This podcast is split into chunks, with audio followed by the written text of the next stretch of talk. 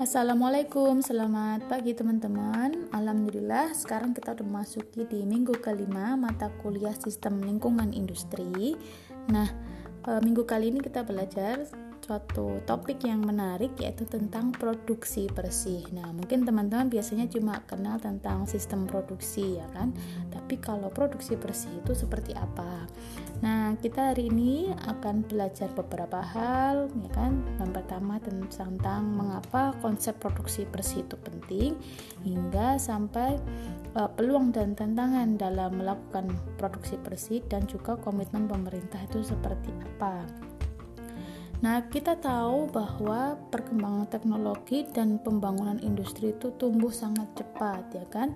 Meskipun eh, perkembangan teknologi dan pembangunan industri ini memberikan manfaat ekonomi yang sangat besar bagi sebuah negara, tapi hal ini juga mengakibatkan terjadinya eksploitasi sumber daya alam yang berlebihan dan pasti akan meningkatkan masalah pencemaran ya kan baik di pencemaran udara, air maupun ke tanah. Nah, uh, pemanfaatan teknologi ini juga memberikan kontribusi terhadap kerusakan lingkungan hidup. Nah, kerusakan ini itu akan menjadi beban sosial yang pada akhirnya masyarakat yang akan menanggung gitu dan pemerintah juga yang harus menanggung biaya pemulihannya.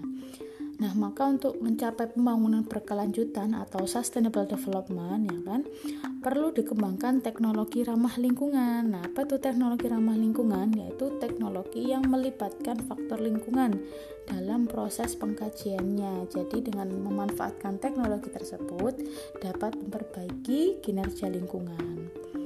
Nah, uh, kita tahu ya, uh, pernah ada di revolusi industri 3.0 itu ada uh, konsep yang namanya mass production. Nah, di situ produksi dilakukan secara massal dan besar-besaran. Nah, hal itu akan mengakibatkan eksploitasi sumber daya alam yang berlebihan dan juga pencemaran yang tidak terkendali. Nah, maka dari itu pada tahun 1989 itu UNEP ini memperkenalkan konsep produksi bersih. Nah, jadi gitu. Jadi konsep produksi bersih ini adalah upaya penerapan yang kontinu untuk mencapai pembangunan berkelanjutan. Nah, di sini dalam konsep produksi bersih melibatkan teknologi ramah lingkungan jadi ada strategi pengelolaan lingkungan yang terintegrasi dan dia sifatnya preventif untuk mengurangi terjadinya resiko terhadap manusia dan lingkungan. Nah, jadi kata kuncinya kalau produksi bersih itu adalah proaktif dan preventif gitu. Jadi eh, berlawanan dengan strategi konvensional dalam pengelolaan pengelolaan limbah yang berbentuk end of pipe treatment. Jadi kalau teman-teman lihat gambar yang ada di materi yang sudah dibagikan ya kan, dia disebut end of pipe treatment. Jadi akan melakukan treatment atau perawatan setelah limbah itu ada. Jadi setelah proses produksi ya kan pasti akan ada keluar limbah cairnya. Nah, limbah cairnya itulah yang ditangani ya. Makanya dia sebutnya end of pipe treatment.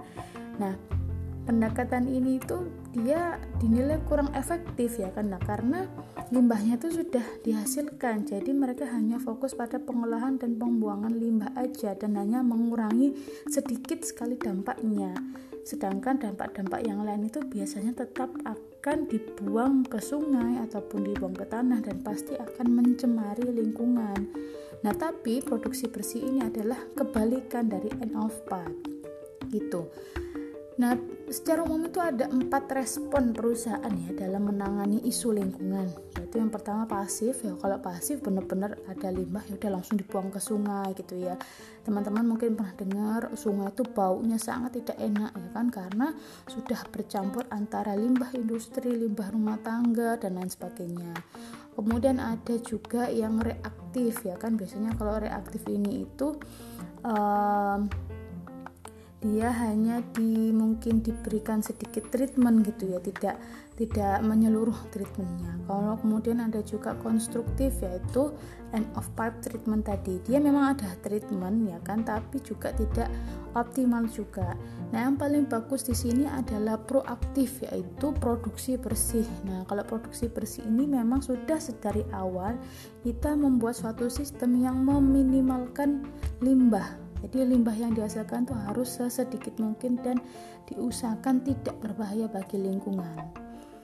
Nah, tentu teman-teman bisa menilai ya bahwa limbah konvensional itu banyak sekali kelemahannya. Yang pertama karena tidak efektif ya, karena hanya mengubah bentuk limbah dan memindahkannya dari satu media ke media yang lain. Kemudian sifatnya juga reaktif ya kan, karena treatmentnya dilakukan setelah ada limbah gitu ya. Kemudian karakteristik limbah itu makin lama akan makin kompleks dan makin sulit diolah. Kemudian juga yang paling penting ini adalah uh, end of pipe treatment itu dia membutuhkan investasi dan biaya operasi yang lebih mahal. Makanya itu sering dijadikan para pengusaha itu nggak mau membangun instalasi pengolahan limbah.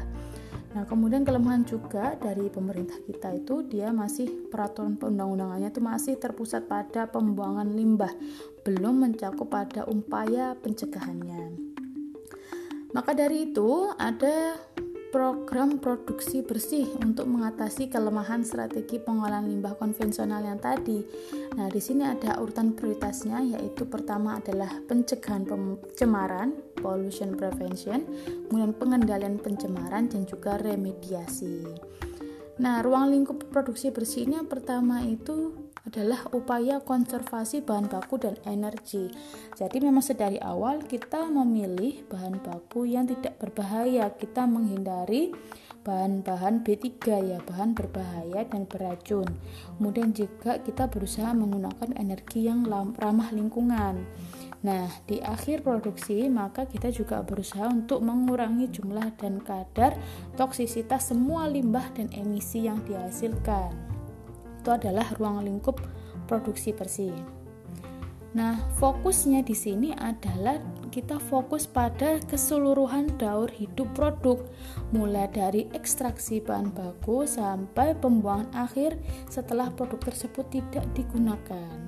Nah, strategi ini itu biasanya meliputi penggunaan proses yang ramah lingkungan, ya kan, menghindari pembakaran yang mengakibatkan asap, kemudian meminimasi limbah, kemudian melakukan analisis daur hidup atau life cycle assessment dan juga menggunakan teknologi yang relatif minim polusi.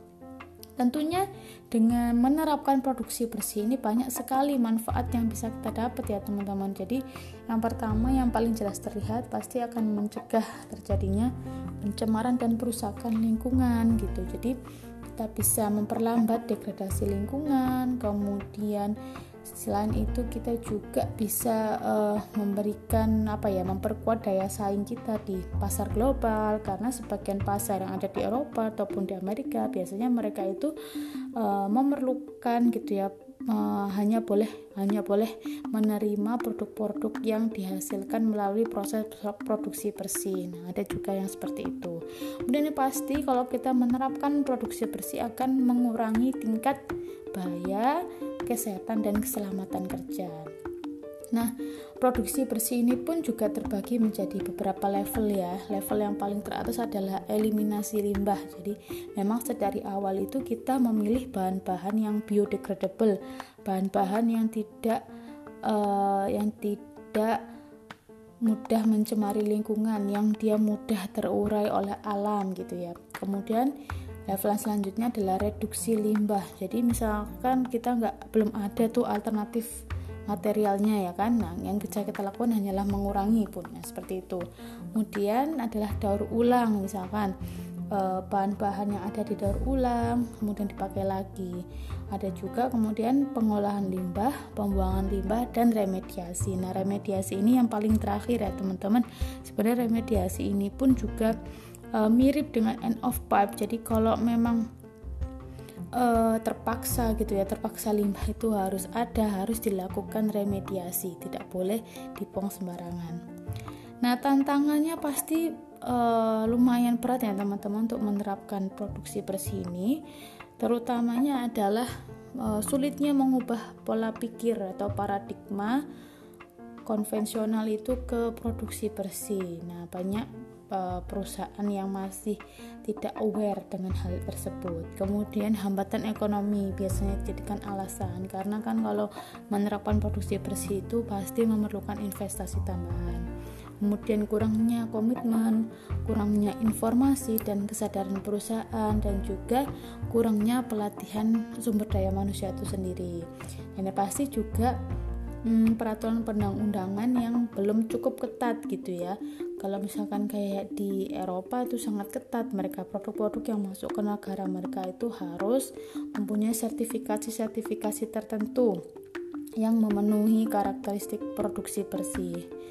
Nah, e, sebenarnya pemerintah Indonesia sendiri pun juga sudah sangat berkomitmen ya kan untuk menuju ke proses produksi bersih sendiri dan untuk mendukung pembangunan berkelanjutan ya SDGs ya Sustainable Development Goals yang ada 17 poin itu. Nah e, proses produksi bersih ini atau program produksi bersih ini itu dia sebenarnya menunjang di banyak e, poin SDGs misalkan di poin ke-7 ada renewable energy poin ke-11 ada sustainable cities and communities kemudian poin ke-12 ada responsible consumption ya kan? Nah e, pada tahun 1996 sendiri pemerintah itu sudah melakukan sudah menyusun gitu ya suatu rencana pelaksanaan kegiatan produksi bersih. Nah, program produksi bersih ini pun juga mendorong program-program lain seperti environmental labeling, kemudian sistem manajemen lingkungan, ISO 14001 ya kan. Kemudian eh, dengan adanya produksi bersih sendiri itu sebenarnya juga dibutuhkan ya ada customer-customer yang mereka memang aware tentang uh, produk ramah lingkungan dan biasanya dengan adanya sertifikasi produksi bersih sendiri itu pasti akan bisa memenuhi kebutuhan konsumen dalam uh, skala global. Nah, ya, dewasa ini pun juga kepedulian konsumen akan lingkungan itu semakin meningkat gitu ya. Jadi uh, misalkan teman-teman coba lihat di kotak tisu aja gitu ya. Kotak tisu itu biasanya dia ada tulisannya sustainable wood. Nah biasanya produsen produsen tisu atau produsen kertas atau pulp itu mereka setelah memakai kayu ya kan mereka ada proses pembaruan hutan. Mereka harus nanam pohon. Nah seperti itu Nah, dengan adanya integrasi produksi bersih dengan strategi pemasaran, maka akan banyak manfaat yang bisa diperoleh bagi semua pihak. Nah, terutamanya bagi ke ekspor ya, teman-teman. Jadi, dengan kita menerapkan produksi bersih ini, produk dari Indonesia itu bisa lebih menjangkau ke pasar-pasar yang lain yang sebelumnya belum pernah kita jangkau. Oke, sekian dulu teman-teman materi hari ini. Semoga bermanfaat. Wassalamualaikum warahmatullahi wabarakatuh.